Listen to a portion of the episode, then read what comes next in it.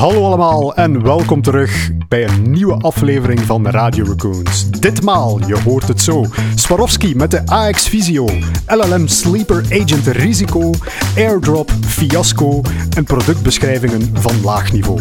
De deep dive ditmaal over de Consumer Electronics Show en dan nog een glazen bol, tooltip en watercooler show-off. Let's go! Hallo allemaal en welkom terug bij Radio Raccoons. Wij zitten hier in een winters wonderschoon landschap, want wij hebben zicht op de sneeuw die hier naar beneden dwarrelt. En we vragen ons af of we nog naar huis gaan geraken vanavond. Maar geen zorgen, eh, als het niet meer lukt, dan maken we er gewoon een extra lange marathon-aflevering van. Wat denk je, Daphne?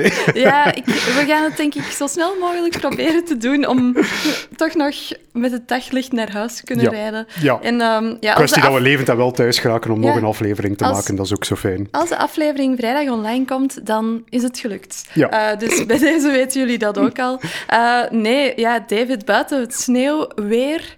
Um, heb jij nog techscoops voor mij? Ja, inderdaad. We gaan er meteen in vliegen. Hè. Ik denk, de eerste techscoop vond ik een hele leuke toen ik die zag passeren.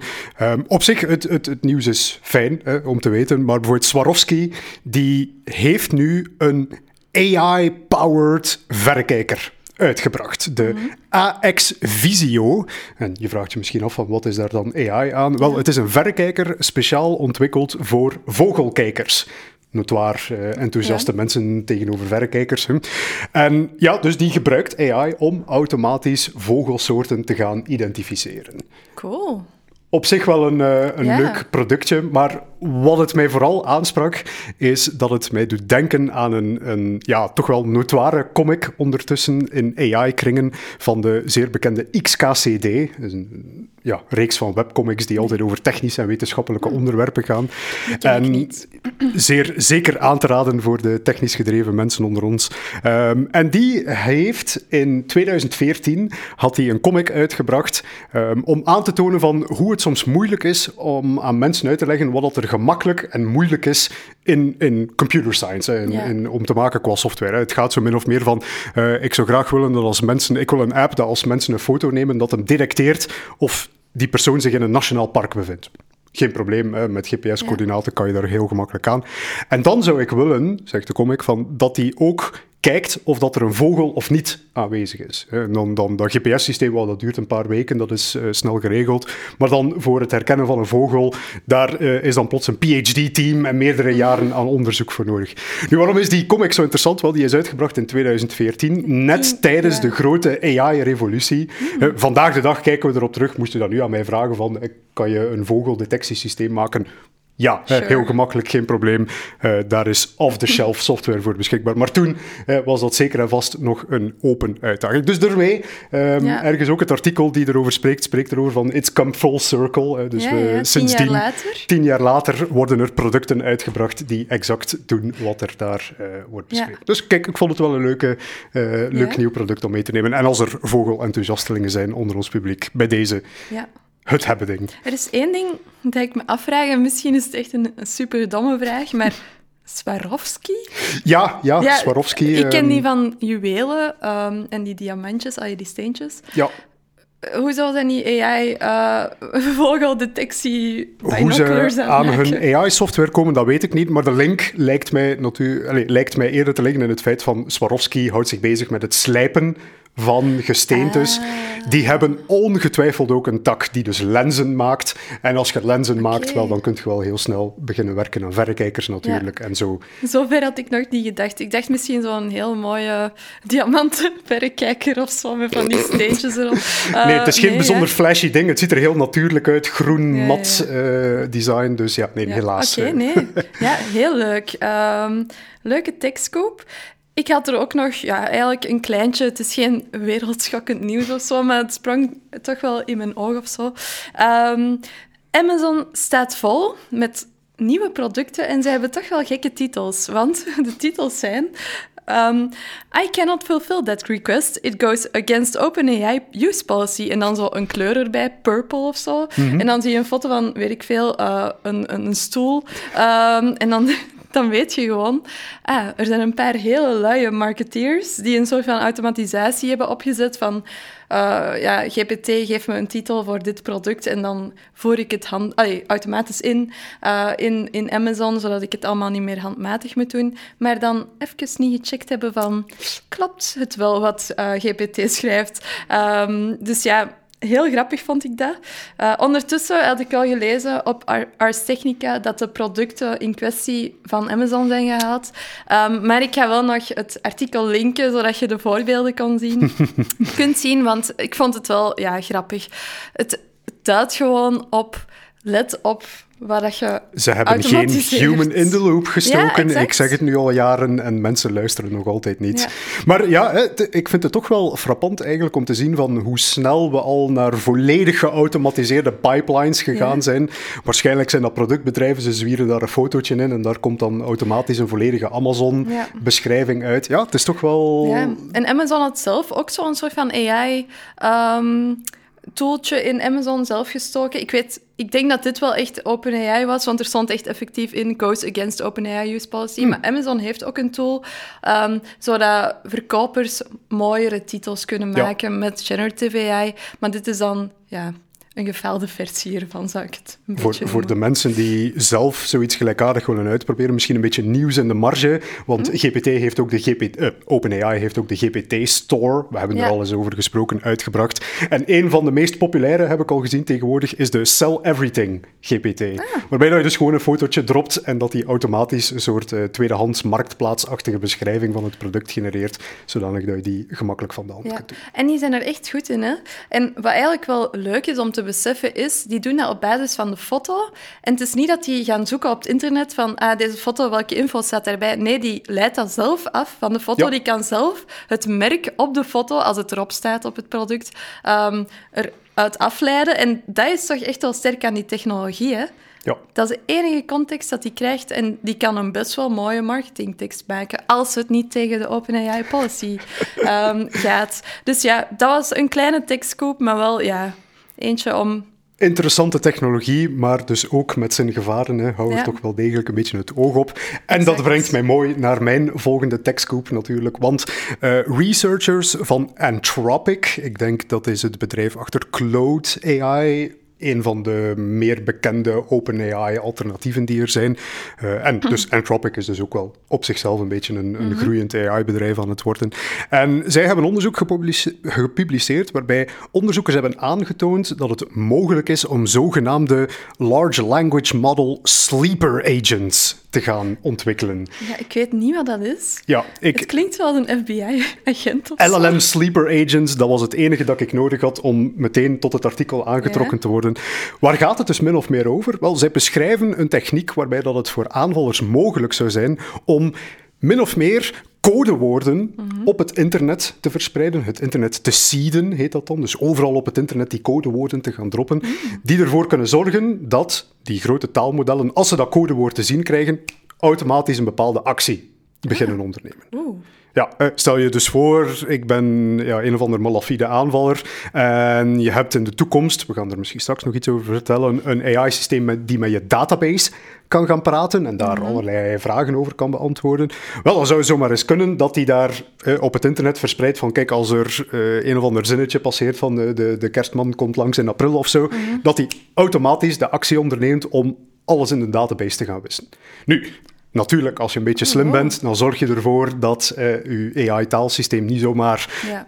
acties kan ondernemen zonder daar uh, eerst een goedkeuring voor te krijgen. Maar we hebben het nu net gezien uh, bij Amazon, er zullen er altijd wel zijn die iets te veel automatisatie invoeren in hun systemen. En waar dat dus wel degelijk voor een soort ja, gevaarlijk beveiligingslek zou kunnen zoeken. Het is een soort zero-day, een backdoor in een stukje software, maar dan van de toekomst, zeg maar. Ook weer een rare nieuwe manier van hacken, die ah. misschien wel dominant zou kunnen worden in het tijdperk van de large language models. Oké, cool. Ja, dus weer iets om voor op te letten dat er blijkbaar hackers uh, rare codes in op het internet zouden verspreiden, die plots uh, uw taalmodel kan activeren en er een soort dubbelspion van kan en maken. kunnen we daar iets tegen doen of zo? Of kun je die herkennen, die zinnetjes? Ja, deel van het onderzoek was wel degelijk van, van ja, kunnen we er iets tegen doen? Want mhm. natuurlijk, het zou heel gemakkelijk zijn dat je zegt van, kijk, wij, wij, wij trainen dat systeem een beetje bij. We geven die een paar zinnetjes van wat dat die eigenlijk voor ons moet gaan doen. En als we die een beetje bijtrainen, dan vergeet die al die sleutelwoorden. Maar dat blijkt dus niet het geval te zijn. Dus die sleutelwoorden kunnen effectief wel, zeg maar, blijven sluimeren Ja. in, in, ja, een taalmodel, het is nog altijd een black box, in die black box. En die is er niet zomaar triviaal uit te halen. Je moet eigenlijk echt al weten van, kijk, die, die, Dit is het. dit zit erin, dan kan je er wel degelijk gaan uithalen. Maar ja, dat is dus net de hele techniek. Je verspreidt het op het brede, bre- brede internet. En ja, die datasets zijn zodanig groot dat je niet kunt gaan zoeken van, hm, staan er rare sleutelwoorden in? Ja. Want ja, het internet staat vol met rare sleutelwoorden, Ja, dus dat, eh, dat is moeilijk te detecteren. Ja. Ah, Dus ja, kijk, iets Alright. om voor op te letten. Ja, ik heb ook nog iets om voor op te letten. Hmm. Ehm, ja, jij gebruikt het niet, maar ik gebruik het heel veel. Apple AirDrop. En ja, ik moet zeggen, echt elke foto of ik zeg maar iets, een document dat ik moet sturen naar eh, een, een collega met ook een MacBook. Ik gebruik daar AirDrop voor. En blijkbaar hebben de Chinese autoriteiten gezegd dat ze een geavanceerde encryption aanval gebruiken om gebruikers van AirDrop te de-anonymiseren. Ja, om een poging... Ja, in, in China zijn er heel veel burgers die bijvoorbeeld op ehm, metrostations eh, bepaalde ja, verboden inhoud, die in China verboden is, eh, te verspreiden door te airdroppen naar iedereen die hun airdrop op accessible heeft staan Ja, voor iedereen. Dus ehm, nu kunt... Ja, dat is eigenlijk een weak spot in airdrop, dat die Chinese au- autoriteiten effectief kunnen gaan achterhalen wie dat die mensen zijn die die zaken gaan verspreiden. Ehm, ja, Apple heeft er nog niet op gereageerd ehm, de op, de, op de kwetsbaarheid, dus er nog geen actie ondernomen. Maar ik vond het toch wel gek, want ik heb altijd het gevoel dat Apple-producten heel veilig zijn of zo voor zulke zaken. Ehm, maar blijkbaar toch niet. Er is toch wel een kwetsbaarheid geweest. En voor de mensen die eh, heel technisch zijn, het zou heten rainbow tables. Ehm, Een soort van techniek om AirDrop-gebruikers te de-anonymiseren. Ja, Het, ja, de technische uitleg zal ik ook wel linken. Ik, ik begreep er nog niet zo heel veel van. Ehm, maar ja, wees voorzichtig met wat je airdropt. En zeker als je in China bent. Want eh, Ja, ik denk in het algemeen. Het is niet voor niets dat de Ja. Belgische regering is onlangs naar China gegaan. En daar was ook een nieuwsartikel over de waslijst aan beveiligingsmaatregelen die ze daarvoor genomen hebben om niet afgeluisterd te Mhm, worden terwijl ze in China zitten. Dus ja, eh, ik denk algemeen goed advies. Als je ehm, iets te verbergen hebt, ga dat niet zomaar eh, in Nee, China nee. gaan delen. Eh, ja, en, ja, ik weet niet, het is nu in China het geval, maar het toont ook wel aan dat andere, ja, andere mensen of regeringen of whoever eigenlijk ja, airdrop kan gaan hacken. Ja. En stuur gewoon geen gevoelige informatie misschien of zo via Ik, ik ben nog geen propaganda aan het verspreiden via airdrop, maar ik zal het in het achterhoofd houden, Daphne, dat ik er eh, ook niet mee ga beginnen. Alright, nee, ja, dat was mijn, eh mijn. Oké, ja, op naar de, de volgende dan. Ook een beetje gevaarlijke zaken met AI, maar dan aan de omgekeerde kant. Meer veiligheid misschien gaan creëren. Ehm, ik vond het wel leuk. Het was een artikel die beschreef dat er de laatste tijd in de VS steeds meer AI blackboxes worden geïnstalleerd in operatiekamers. Min of meer, waar gaat het om? Dus eh, het is de, de Black Box OR. Nee, de OR Black Box is de officiële titel van het product. En dat is dus min of meer een camerasysteem die gebruik maakt van breedhoekcamera's om een volledige operatiecamera te gaan filmen. Hm.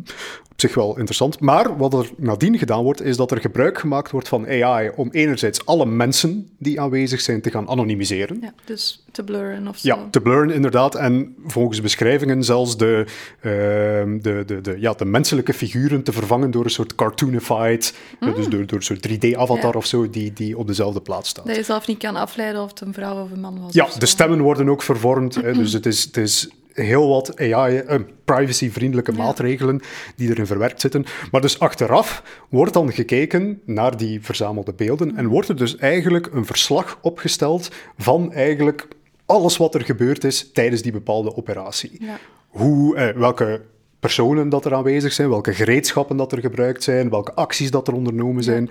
En dit dus eigenlijk om een soort meer datagedreven aanpak te kunnen krijgen binnen operatiekamers om eh, te gaan analyseren Ja. hoe is een bepaalde situatie verlopen, hoe hebben het personeel daarop gereageerd en kunnen we dat nog beter Ja. gaan krijgen. Of stel er loopt iets fout of zo en je wilt het gaan leren van zo moet het niet, maar je wilt ook niet die, die, die arts aan de schandpaal nagelen of zo, dan zou je dat, die footage wel kunnen gebruiken om, om gewoon ja, als educatief doel. Ja, inderdaad. Dat wordt ook beschreven van als er nu iets gebeurt in de operatiekamer, dan wordt dat eigenlijk anekdotisch verspreid, zeg maar. Hè, van we hebben iets geleerd, we waren dit aan het doen en plots is er iets misgelopen en we hebben dit en dit en dit dan gedaan om het op te lossen.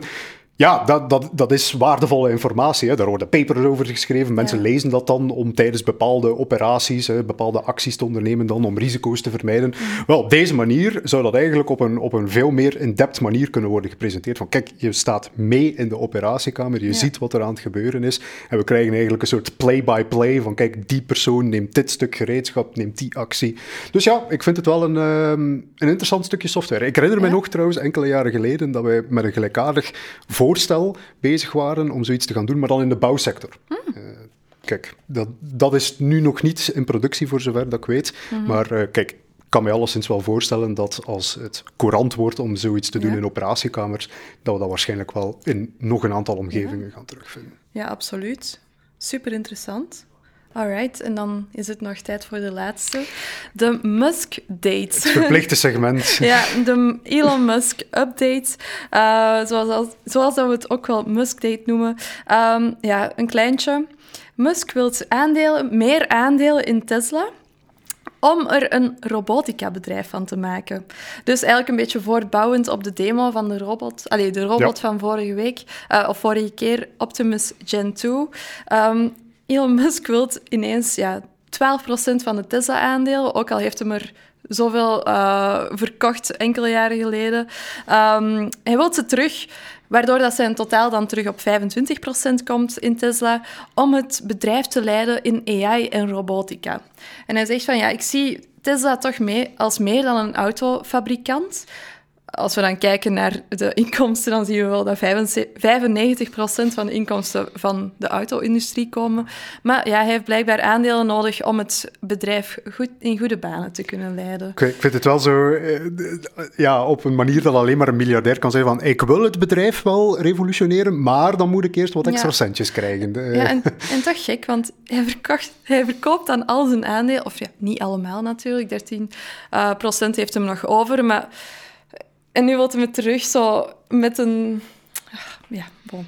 In ieder geval geen waardeoordeel, maar uh, daar, daarbij mijn Musk-date. En dat waren de techscopes. En misschien dat er mensen nu al aan het denken zijn van... Huh, ze zijn iets vergeten. We zijn, ik denk, niks vergeten, want onze deep dive um, gaat over de Consumer Electronics Show, waar heel veel leuke dingen zijn aangekondigd. En die konden we niet allemaal meenemen in de techscopes, dus we dachten doen het gewoon in een deep dive. Dus daar gaan we nu naartoe. Yes! Alright, en dan is het tijd voor de deep dive. Ja, zoals Daphne al aangekondigd heeft, we gaan eigenlijk gewoon eens kijken naar de Consumer Electronics Show die vorige week in Las Vegas heeft plaatsgevonden. Voor de mensen die niet zouden weten wat het is, de Consumer Electronics Show is min of meer het evenement waar tegenwoordig, tegenwoordig jaarlijks de nieuwe, nieuwste gadgets en apparaten voorgesteld worden.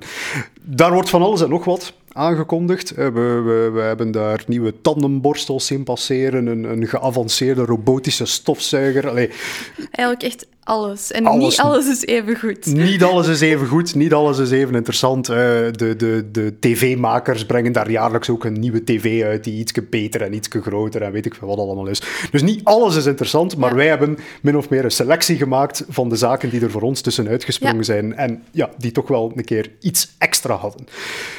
Om misschien te beginnen, uh, ik had gezegd van ja, de laatste nieuwe tv niet zo interessant. Wel, de eerste die er voor mij toch wel, en eigenlijk een beetje voor iedereen toch wel een beetje was van uitgesprongen, is toch wel een tv geweest. Een tv van LG, de LG Signature OLED TV.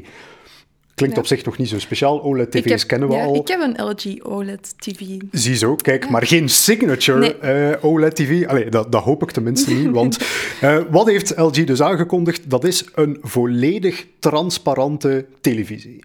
Het is cool om te zien, hè, dus het is wel degelijk. Het is de sci-fi dingen, hè, zoals we het zouden verwachten. Het ziet eruit als een raam. Hè, niet volledig transparant. Het is nog iets donkerder dan de rest. Maar hè, eens dat je de tv aanzet, krijg je daar dus een... Uh, projectorachtig of zo.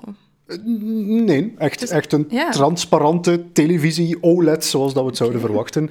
Ehm, het is technologie die nog een beetje in de kinderschoenen staat, Mhm. natuurlijk. We zijn, eh, verwacht dat nog niet in uw huiskamer eh, vandaag de dag. Maar ze hebben het daar dus wel gedemonstreerd. Het, het is volledig transparant, je kunt er gaan doorkijken.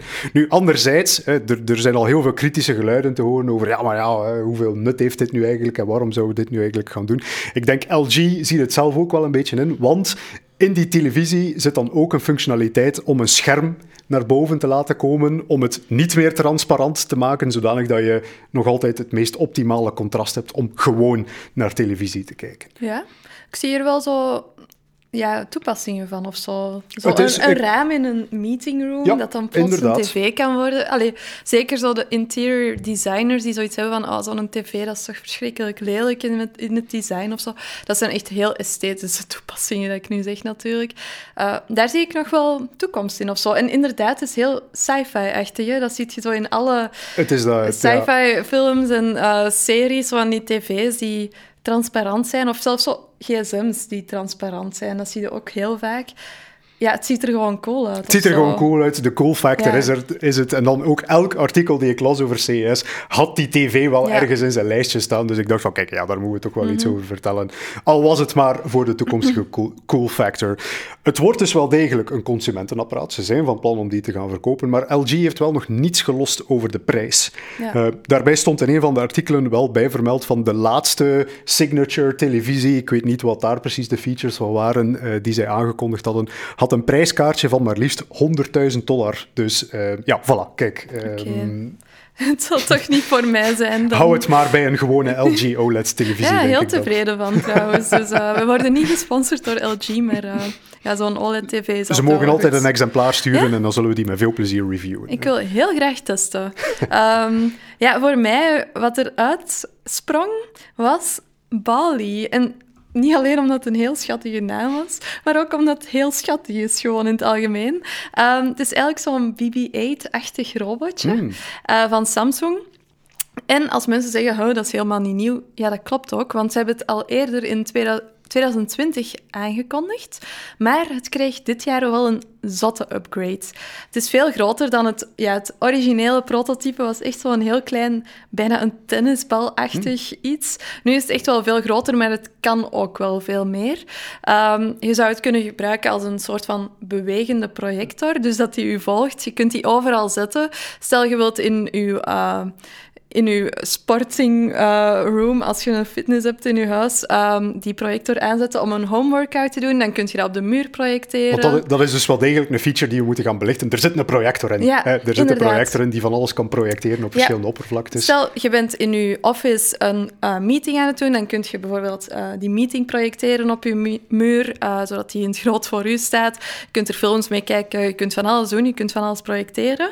Ehm, maar niet alleen dat, het is ook echt een, ja, een smart device, eh, waar dat je andere smart devices mee kunt controleren of zo. Dus je lichten aan en uitzetten, ja, je kent het wel. Ehm, zelf als je niet thuis bent, bijvoorbeeld zeggen van, ah, ga eens kijken naar de hond. Eh, wat is die aan het doen? Dat hij daar naartoe rolt en dan die hond laat zien. En ja, zelf dat je daar door kunt praten of zo. Het is echt wel... Het, heeft, het is multifunctioneel en ik vind het gewoon ja, leuk, want... Ik heb ooit geopperd om een glazen bal te doen, waar dat ik zei van, in, over zeven jaar heeft iedereen een robot in huis. Oké, ja. En zo'n Bali...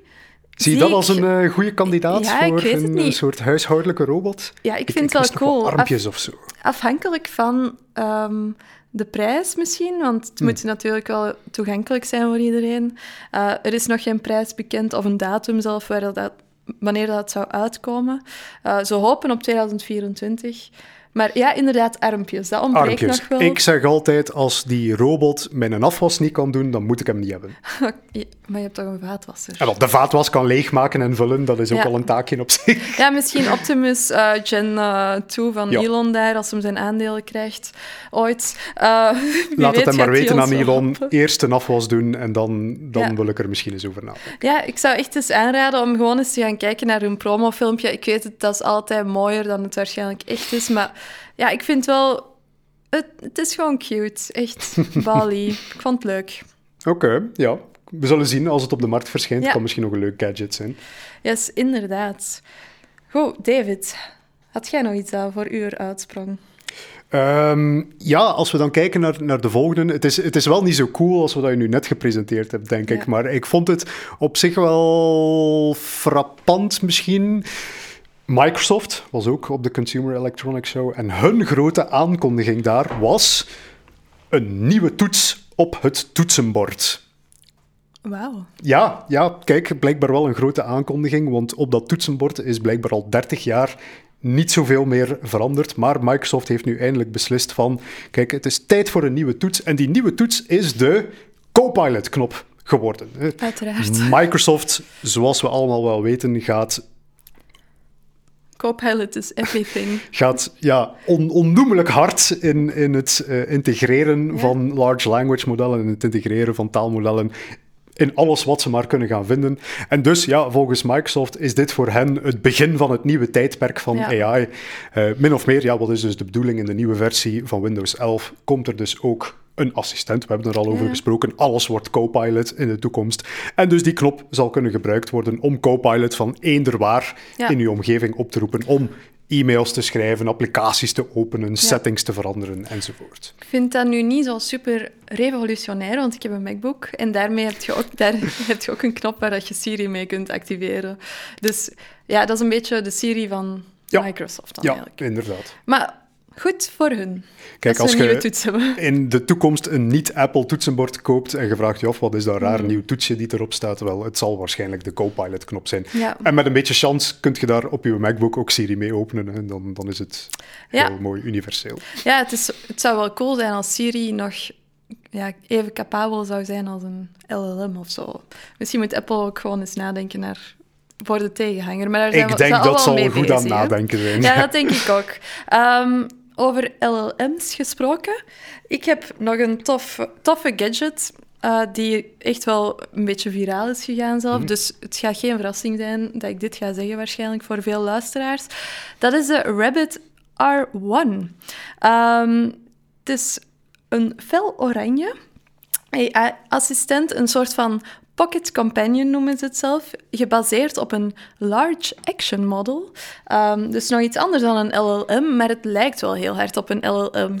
Want de founder heeft een hele keynote gegeven, ik heb die ook gekeken, en hij zegt van ja, LLM's die kunnen heel goed interpreteren wat je zegt, die kunnen daar heel goed op antwoorden, maar die kunnen eigenlijk niet echt acties gaan uitvoeren. Stel, mhm. je vraagt, ah, ik wil via Expedia een uh, reis boeken, dan gaat hij heel goed een lijstje kunnen geven van bijvoorbeeld de vluchten die je kan nemen, maar die kan geen vlucht gaan boeken. Ja. En die large action models zouden zo getraind zijn op verschillende interfaces waar dat je als gebruiker dingen kunt gaan uitvoeren, um, om op die interfaces ook zelf acties te kunnen uitvoeren. En ja, ze zeiden, we hebben dan zo'n heel krachtig uh, lijmmodel, uh, ja, zo'n model getraind. We moeten daar ook iets mee doen. We moeten daar een soort van gadget of zo mee maken.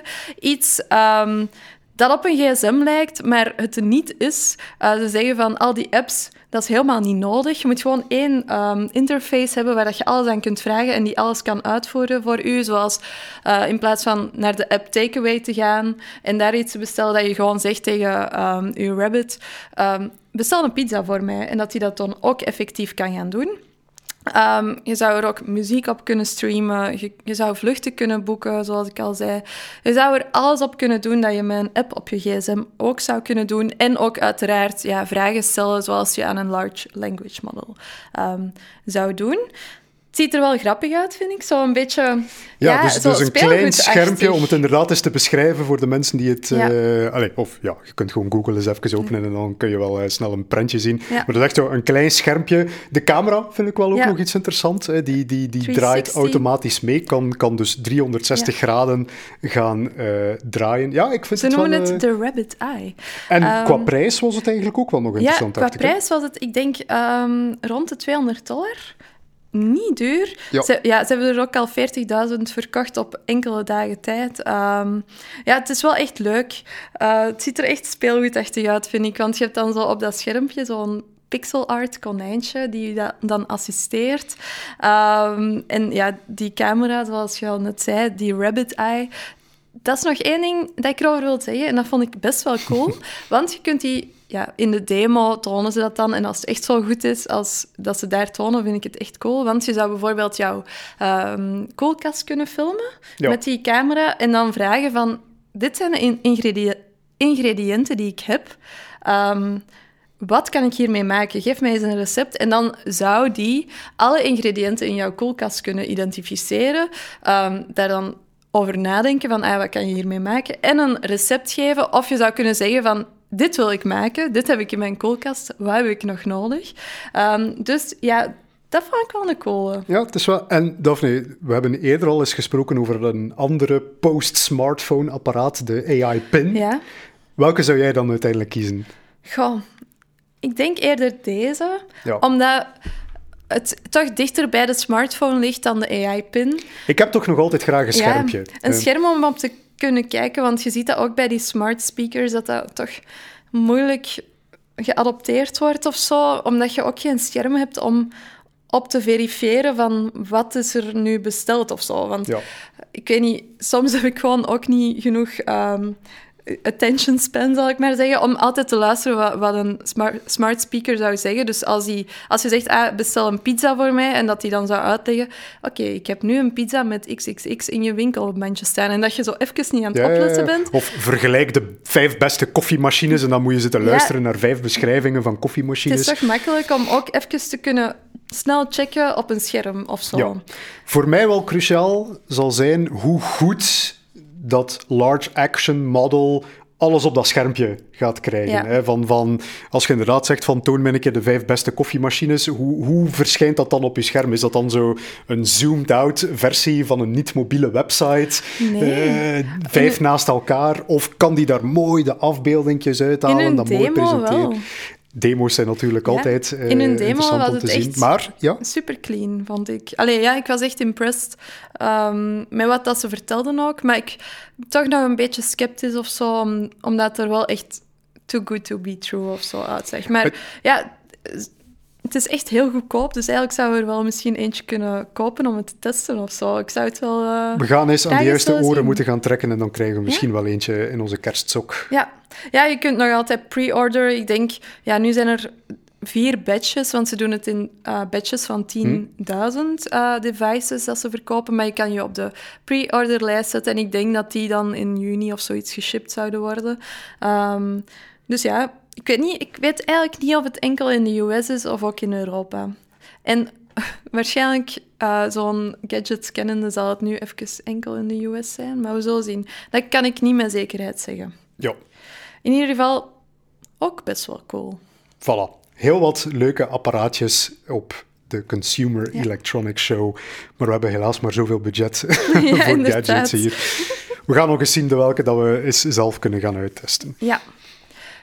Oké. En uh, je had er toch nog eentje, David? Heb ik het? Ja, ik was het nog bijna ik, ik, dacht dat je een bruggetje ging maken van ja, als we de volgende moeten testen, dan gaan we toch wel een heel groot budget moeten... Uh... Ach, kijk, de, de droomkans voor een droomovergang gemist, oh, mijn excuses. Kijk, ik dacht al dat we op het einde van de lijst zaten, maar er waren natuurlijk nog interessante apparaten.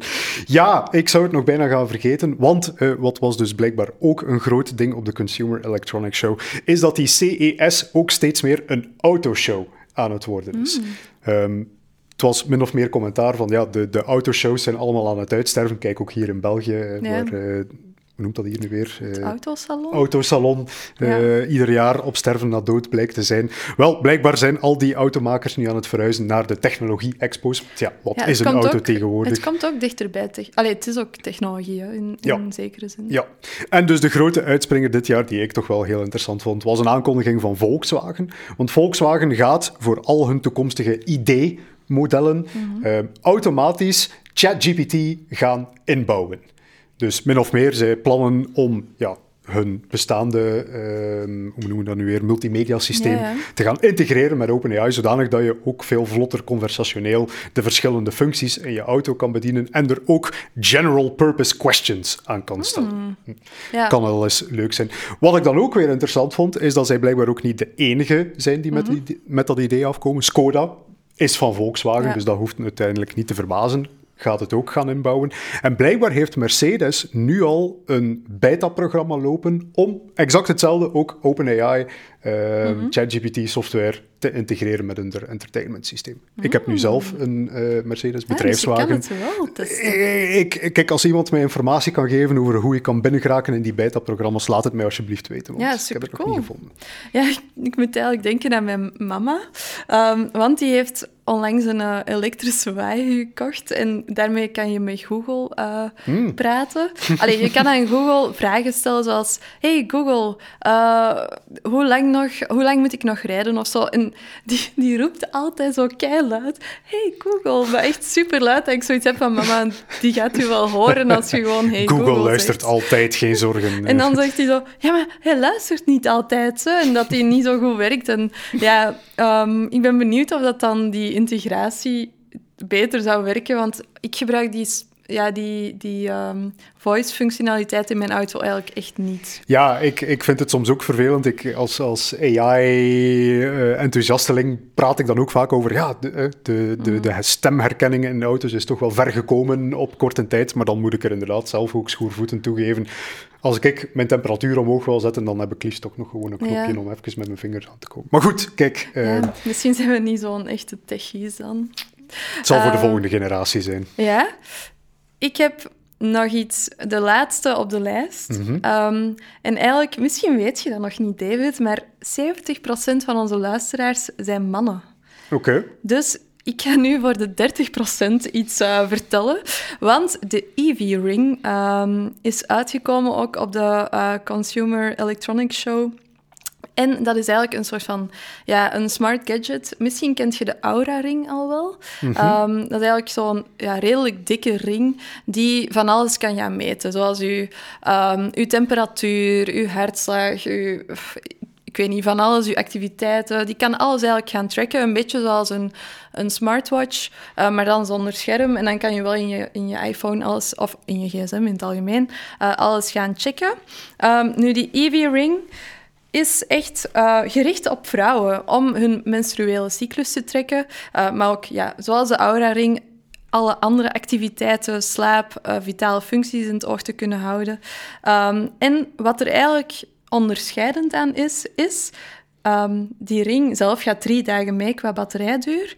Maar je krijgt er zo'n soort van case, zoals bij AirPods, um, bij, waar dat je die een uurtje in kunt opladen. En dat zou echt wel het verschil met de Aura-ring zijn. Hm. En daarnaast ook, um, een Aura-ring kost 299 dollar. En je moet dan per maand ook nog 6 dollar aan subscription abonnementskosten betalen.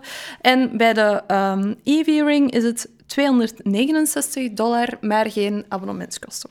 Dus het is wel interessant om te zien, want die Aura-ring was in mijn ogen toch de grootste ja, smart ring uh, die er was op de markt. En het is wel leuk om concurrentie te zien. Het is ook zo'n heel ander design. Um, het ziet er wat vrouwelijker uit, zal ik maar zeggen. Dus ja, voor de vrouwen die luisteren, de 30%, misschien wel iets voor jullie. en ik heb geen aandelen in de EV-ring of zo. Ik vond het gewoon ja, wel leuk dat er zo'n een women-focused tech of zo bij zat. Absoluut. Dus ja, dat was de laatste. Um, heel wat toffe dingen. Er zijn echt super veel dingen uitgekomen. We hebben er nu zes uitgekozen, maar uh, ja, ga zeker eens kijken uh, naar het nieuws erover. Er zijn nog super veel andere leuke gadgets uitgekomen, maar uh, bij deze onze favorieten. Ja. Oké, Daphne, dan is het tijd voor de glazen bol. En ik moet zeggen, ik heb me een beetje laten inspireren door al dat CES-gadget-nieuws. En, en mijn hoofd is richting speelgoed gegaan. Want ik, ik zie al die dingen en ik denk natuurlijk speelgoed voor volwassenen. Dus ik ben beginnen nadenken van, wat zou nu eigenlijk eens het speelgoed van het jaar kunnen worden ergens in 2025, 2026? Ja. Ik heb er twee bedacht. Natuurlijk gesteund op onze favoriete technologie, generatieve AI. Maar dan dacht ik van, kijk, hoe kunnen we daar een interessant product voor kinderen van maken? Dus, mijn voorspellingen, ergens in de komende mm, twee, drie jaar, mhm. speelgoed van het jaar, wordt enerzijds een, laat ons zeggen, een Barbie-pop of zo, of een Elmo-pop, of, of weet ik veel welk soort pop dat het gaat worden.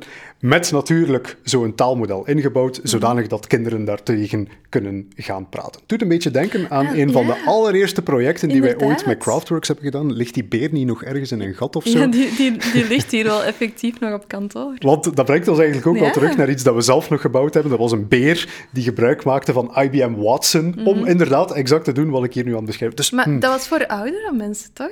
nee, nee, dat was wel degelijk voor kinderen, Ah. zodanig dat ze daar... eh, de- en dan was er een dashboard voor de ouderen, zodanig dat zij Ah. achteraf konden gaan zien op een soort geanonimiseerde manier wat kinderen tegen dat ding verteld hadden. Hè. Zo, ik ik dacht gepest dat dat ook zou kunnen gebruikt worden voor ehm, ja, bejaarden die eenzaam zijn in het, in het rusthuis en die dan een meisje Absoluut, willen om absoluut. tegen te praten. Maar goed, ehm, om van het verleden de toekomst te maken, denk jij nu dat er een Barbie-pop of Elmo-pop of beer komt met Ja, ingebouwde... Met een ingebouwd taalmodel, dus, dus geen eh, internetconnectie naar GPT-4 of zoiets, maar dan wel een, een Local. kleiner local taalmodelletje die eh, ja, eigenlijk typische kinderconversaties kan gaan voeren. Oh, dat is eigenlijk wel super tof. En dat die misschien zo iets aan die kinderen kan leren of zo. Ah, wel ja, ik denk het inderdaad met een soort eh, pedagogische insteek, Ja. zo van, van eh, kinderen leren, helpen met hun problemen enzovoort. Ja, ik zie daar toch wel een beetje het Misschien moet je speelgoed daar van een het jaar. patent op nemen, David, op dat idee.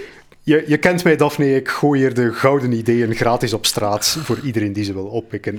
En je hebt er nog eentje, toch? En ik heb er dan nog eentje, hè, want de grote concurrent eh, voor een taalmodel speel, eh, stukje speelgoed is die andere grote generatieve AI-hype.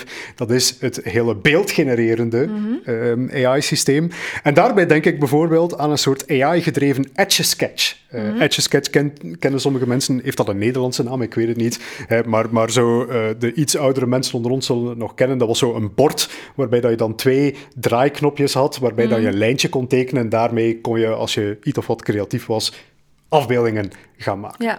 Wel, ik stel mij zo een soort applicatie voor, maar dan hè, voor kinderen, waarbij dat zij eigenlijk doodles kunnen gaan maken op een tabletachtige interface, maar dat die dan automatisch met een generatief ehm, beeldmodel levensechte afbeeldingen kan gaan maken. Ja.